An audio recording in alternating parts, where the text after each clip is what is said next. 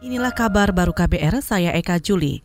Saudara Menko Polhukam Mahfud MD mengatakan masih ada 180-an warga negara Indonesia di Suriah yang diduga terkait ISIS. Pemerintah menyerahkan kepada pemerintah Suriah untuk menegakkan hukum kepada mereka bila memang terbukti bersalah.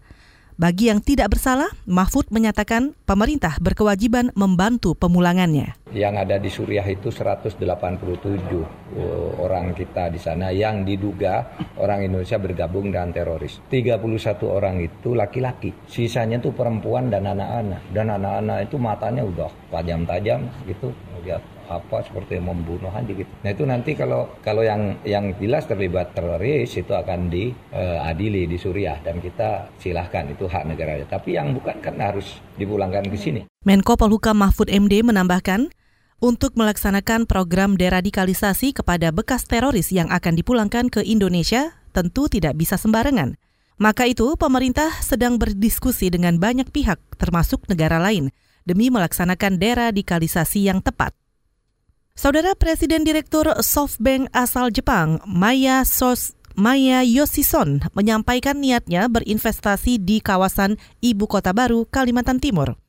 Hal itu disampaikan ketika bertemu Presiden Joko Widodo di Istana Merdeka hari ini. Menurut Maya Yosi, ada banyak kesempatan menarik yang bisa dikerjakan oleh SoftBank, terutama di bidang teknologi ramah lingkungan dan kecerdasan buatan. Jakarta has uh, a great history, great success, and also some issues. Mm. So, uh, with a new project that you are uh, preparing, Menanggapi permintaan Presiden Direktur SoftBank asal Jepang itu, Presiden Jokowi juga menyambut positif sambil mengatakan beban Jakarta sebagai ibu kota negara dan pusat bisnis sudah terlalu berat. Populasi di Jakarta saat ini menurut Jokowi mencapai 10 juta jiwa sedangkan luas wilayahnya hanya 66 ribu hektar. Sementara luas wilayah ibu kota baru di Kalimantan Timur mencapai hampir 300 ribuan hektar.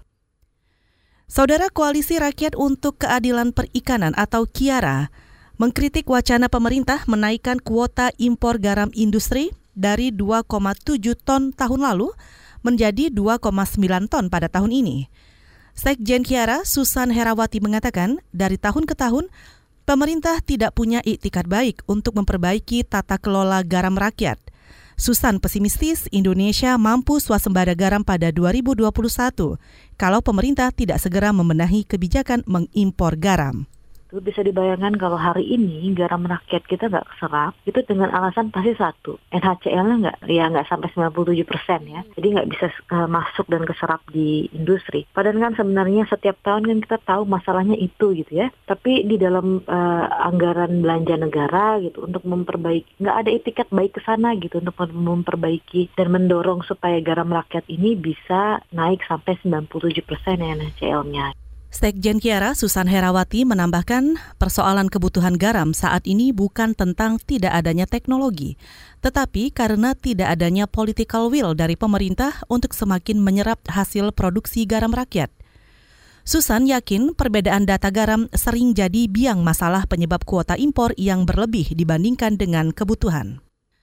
Kita ke informasi mancanegara. DPR Amerika Serikat mengesahkan resolusi untuk mengendalikan wewenang Presiden Donald Trump supaya tidak berperang melawan Iran.